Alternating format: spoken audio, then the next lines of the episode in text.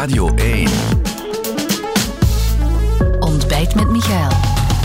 Goedemorgen, meneer Hedebouw. Goedemorgen. Hier in uw partijlokaal in eh, Hartje Luik. Hier is feest gevierd deze week, kan ik me inbeelden. Er is eh, veel gewerkt vooral, ja. Veel gewerkt eh, en eh, ja, toch wel een, zekere visibiliteit gehad dit- deze week rond een heel belangrijk thema die het graaikultuur is in België. Nou, ik kan me inbeelden dat u tevreden terugblikt, u en uw partij. Goh, tevreden, het, het is een ja-nee-verhaal. hè. Het, is, eh, het is een nee-verhaal, want het is erg wat er gebeurt. Hè. Hoe dat de politieke wereld eigenlijk voor zichzelf eh, ja, privileges toekent zoals nog nooit gezien is. En dat ze eigenlijk voor hunzelf dingen toekennen dat ze niet aan het volk vragen. Eh, maar anderzijds ziet je ook wel natuurlijk het positief in dat er een hoopstem is en dat die colère, dit alternatief, ja, door mijn eigen partij kan eh, doorgedrongen worden. Als je terugkijkt op die week, het was bijna uitgekiend. Het was elke dag kwam u met iets. Zo bent u elke dag ook eh, mooi netjes eh, overal aan bod gekomen. Dat, eh, dat, dat was ook de bedoeling, neem ik aan. Hè? Ja, zeker en vast. Dat was natuurlijk wel een, een, een- doelbewust plan ook dat we hadden. Het is ook zo in België dat die privileges niks communautair hebben. En dat het gaat, als het gaat over graaikultuur, dat dan nu Vlaanderen, Brussel, Wallonië is, dat iedereen in hetzelfde badje zit. En dus wat wij op het federaal vlak gevonden hebben, ook in het Brussels parlement natuurlijk bezig was, ook in het Vlaams parlement. En daar is onze uitstekende fractievoorzitter Jos Daze in het spel gekomen. Germain Mourwango in het Waals parlement. Dus ja, op vlak van graaikultuur is dat eh, geen verschil Nee. in, in België. het dus daar buiten gespeeld. woord natuurlijk. graaikultuur al twee keer gebruikt. Ik hoorde u deze week in het parlement champagne zeggen, tournee generaal.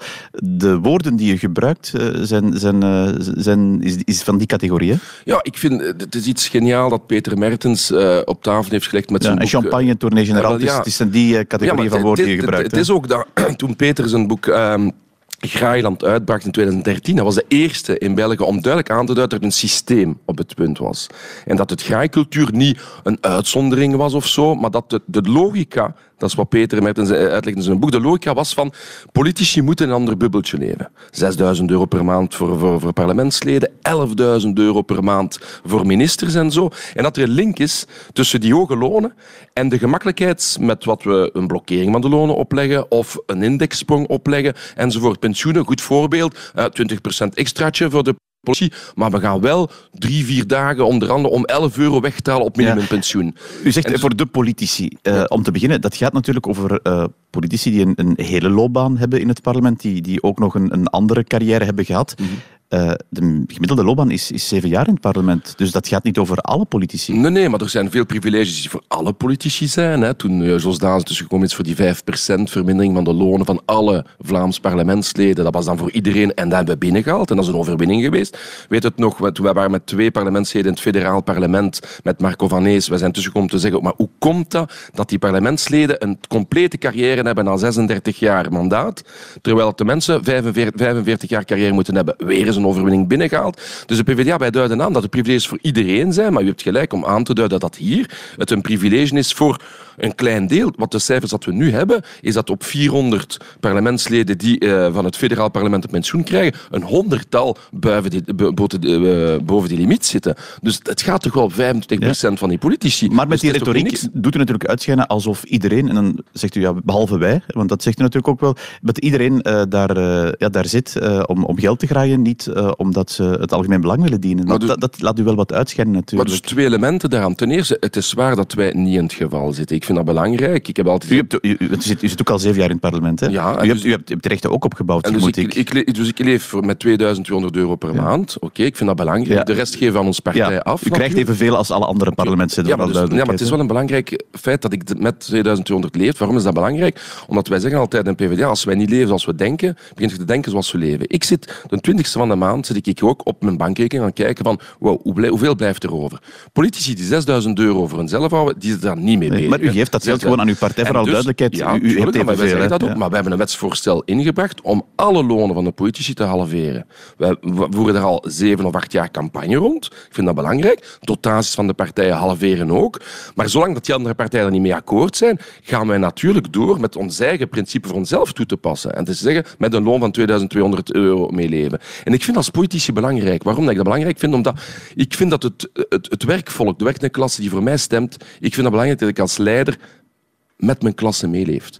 Ik ben, en ik ben een leider van een werkende klasse en ik vind dat het is niet omdat ik verkozen word dat ik direct met 6000 euro moet leven. En ik vind dat voor linkse partijen een probleem. Als men met zoveel geld bezig bent, hoe kun je nog bij de mensen leven dat je, dat je moet veronderstellen, dat je moet voorstellen. En dus in die zin denk ik dat die maatregelen dat wij voorstellen om die halvering van de lonen, het staat nu geagendeerd op de commissie in, in, in, het Vlaams, in het Waals en in het federaal parlement, dat andere partijen meestemmen rond de halvering van de lonen en de dotaties. Ja, want dat wil ik, daar wil ik vooral toe komen. Wat, wat is uw doel eigenlijk met wat u deze week naar buiten bracht dan? Ik wil terug hoop geven aan de mensen. Want wat, wat er is, dus de colère zit er. De colère is helemaal niet gelinkt aan de PvdA. De colère is gelinkt dat de mensen verontwaardigd zijn want de traditionele partijen zeggen. Als ze mij zeggen, oh, de PvdA is aan het opstoken. Niks te van, helemaal natuurlijk niet. Want, zeggen... u, u, geeft politiek en politici zelf, en, en ik denk dat het ook een, een, een eervol beroep is politiker zijn, u geeft dat nu niet bepaald een, een uh, gracieuze indruk. Hè? Ja, die gracieuze indruk, dat zijn de politici zelf die daar uh, vandaag in de, in de koelkast aan het steken zijn. Hè. Het zijn zij die, uh, die maar want kapot zijn door hun eigen privileges. Er zijn vergaderingen geweest tientallen vergaderingen waar er bewust nagedacht is van hoe gaan wij de wet omzeilen. Voor De Croo en Brakke was het zelf die voorzitters met ah, er is een plafond voor het gewoon volk in België en wij gaan dat omzeilen. En er zijn met technici. En dus het zijn zij die zo'n vergadering georganiseerd hebben, niet de PvdA. En dus ik wil hoop geven, want om terug te komen op uw vraag, wij moeten gewoon een normaal statuut geven aan al die politici. Ik, die pensioenkas van de Kamer, die moet gewoon ontbonden worden en terug gewoon naar de algemene pensioenkas voor de werknemers. Waarom moet er zo een uitzondering zijn voor de politici.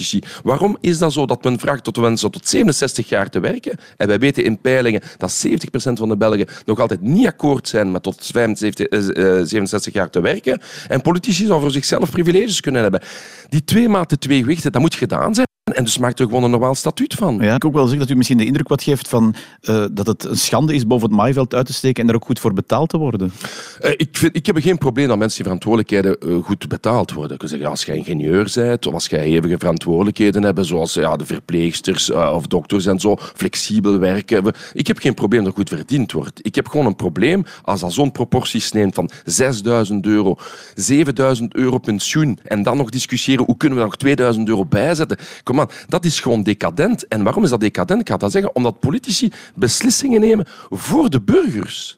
En dat er een link is, en dat is de basis van sociologie, er is een link tussen het feit dat in het parlement zo goed verdiend wordt en de gemakkelijkheid met wat we antisociale maatregelen neemt. Ik wil zeggen, de, de, de verpleegsters in ons land, die verdienen niet genoeg. Ik heb er echt een probleem mee. En ik heb een probleem als politici vandaag een, loon, een loonnorm opleggen met een blokkering van de lonen voor al die verpleegsters van het land. Hoe kunnen ze dat beslissen terwijl ze zelf zoveel geld verdienen? Daar gaat het om. Ja, ik hoorde Jean-Marie de Dekker uh, tegen u zeggen in het parlement deze week populistische netbevuiler. Ja, want Jean-Marie de Dekker horen dat ik een populist ben, dan moet ik wel een beetje even om lachen. Nestbevuiler was het ook, hè? Maar ja, maar, ja, dat is interessant om te zeggen. Nestbevuiler. Hè. Dus het, het mechanisme waarom dat andere partijen niet met die informatie uitkomen, is het onderrondje. Hè. Dus al die debatten gebeuren vandaag achter gesloten deuren in het bureau van het federaal parlement of in de commissie die VZ2, de pensioenkas. Dat gebeurt achter deuren. En wij hebben altijd gezegd als PvdA'ers, toen wij in het parlement binnenkwamen, wij willen de vensters openzetten. Wij vinden dat niet logisch dat dat allemaal als gesloten deuren gebeurt. En wat wordt er dan gezegd tegen de PvdA van Jean-Marie de Dekker? Oh, we zijn nestbevuilers. Nee, nee. We zijn juist die transparantie aan naar voren aan het brengen. Wij vinden dat niet logisch. Ik heb gevraagd al twee keer in het federaal parlement om een openbaar debat te hebben in de plenaire, waar de, waar de, de, media ook mee kan kijken, dat het mens dat via politica mee kan volgen en zo. En dat is gewoon een blokkeren om te zeggen, nee, dat moeten we onder ons. En daar ligt het fundamenteel probleem. Oké, in elk geval, ik neem aan dat u niet heel veel vrienden hebt gemaakt deze week, maar het zijn over een jaar uh, wel verkiezingen. En ik wil daar vooral even naartoe mm. gaan, uh, meneer Hedebouw. Uh, exact over een jaar ongeveer, 2024, begin juni. Um, wat is uw ambitie bij die verkiezingen als PvdA-PTB? Ja, wij moeten vol een bak doorbreken natuurlijk. En doorbreken, dat is ook verantwoordelijk kunnen nemen. En, besturen, en, ja, en beleid kunnen, kunnen voeren natuurlijk. En daar hebben we partners nodig. En dat gaat hier geen scoop zijn deze, deze morgen natuurlijk, dat dat moeilijker gaat zijn voor de NVA of met de VLD en zo met rechtse partijen. En hier ja, eh, geef ik eigenlijk het hand eigenlijk naar de linkse partijen, zoals Vooruit natuurlijk. In die zin vind ik het, ik versta totaal de logica en de strategie niet van Conor Rousseau. Wat bedoelt u daarmee? Ja, wel, Conor Rousseau is al één of twee jaren gewoon de NVA acht, acht, achteraan aan het lopen. Gewoon, ja, gewoon Bart de Wever en Conor Rousseau dat, dat, dat, wordt gewoon algemeen geweten dat die gewoon een coalitie willen vormen in 2024. Je zit daar met dat Antwerps model, met N-VA en Vooruit, die samen besturen en dus die samen privatisering van de zorg beslissen, weinig subsidies naar de cultuursector, eigenlijk een rechtsbeleid voeren in Antwerpen. En dan heb je het celzaadsmodel, waar vooruit... Waar u en, en, en vooruit in ja, de meerderheid dus wij, wij, en wij doen dat goed werk. Dat is een progressieve alliantie, de eh, toekomstcoalitie, waar we een, een, een, een een gemeentelijke taxshift hebben toegepast, waar we een beetje belastingen zijn gaan halen bij Sidmar, bij ArcelorMittal, om aan de middenstand in uh, Zelzaat te kunnen geven met een vermindering van de belastingen op lokaal vlak. Dus daar zit een, een krachtig Zelzaat model. En dus ik wil eigenlijk in dialoog kunnen gaan met uh, Conor Rousseau. Ja, PvdA wordt sterker, links wordt sterker, dus laat ons discussiëren. Hoe kunnen we dat in 2024 in iets positiefs uh, veranderen? En dan zie ik dat Conor gewoon gewoon een bak de NVA aan het achterlopen. Maar u zegt nu eigenlijk, uh, ik, ik wil met vooruit al, al voor de verkiezingen kijken wat we samen kunnen doen? Ik vind dat er een dialoog moet zijn. Natuurlijk moeten we eens krachtsverhoudingen, zoals altijd in politiek, en kunnen discussiëren om te fond. Maar dat lijkt mij toch logisch dat linkse partijen met elkaar gaan in discussie gaan en dat we geen discussie wilt gaan met coalities die nu al voorgeschreven zijn met rechts. Zin, allez, pak nu... Maar ik hoor u zeggen, vooruit, ik hoor u groen bijvoorbeeld niet vernoemen. Ja, we hebben een groot probleem met, met groen, met dat klimaat-elitisme is natuurlijk een probleem met, met groen. Hè. Ja, ik wil zeggen, als je op lokaal vlak, ja, die,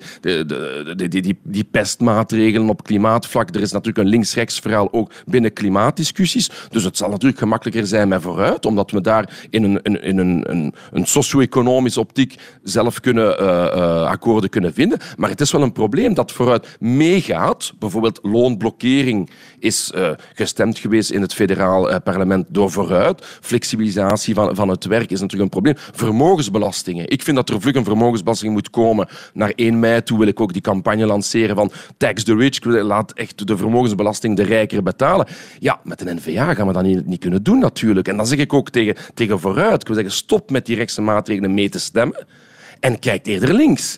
En dan zie ik niet dat dialoog dat bestaat gewoon. U bent wel flink op eh, vooruit aan het tikken als u zegt ik wil Nee, maar dat is, een dat is een strategische kwestie. Ik wil zeggen, in het parlement ziet iedereen wel dat wij vol een bak natuurlijk tegen rechts heel actief bezig zijn. We zien vandaag natuurlijk dat als, als de VLD vandaag hè, dagenlang onderhandeld heeft om 11 euro per maand weg te halen van die minimumpensioenen. Kom aan, daar zijn gewoon dagen over vergaderd geweest om de budgetten voor die minimumgepensioneerden af te halen. En dat dan gans Vivaldi daarmee instemt, terwijl dat zezelfde politici ja, voor hunzelf heel grote pensioenen hebben. Die twee maten twee gewichten, dat gaat niet. En dus in die zin hebben we heel veel tegenstellingen met rechts. Als wij tussenkomen in het parlement, komen heel veel tegen rechtse partijen tussen. Maar strategisch zien we 2024 gaan we het wel met linkse partijen moeten doen. Ja, uh, in Wallonië uh, hebben die linkse partijen uh, meer electorale slagkracht. Mm. De PS is daar de grootste partij. Ik hoor u die niet vernoemen. Ja, dus dat, omdat we hier op het rond Vlaams ja. niveau discussiëren. Op, natuurlijk op Waals niveau en op federaal niveau heb je de discussie met de PS.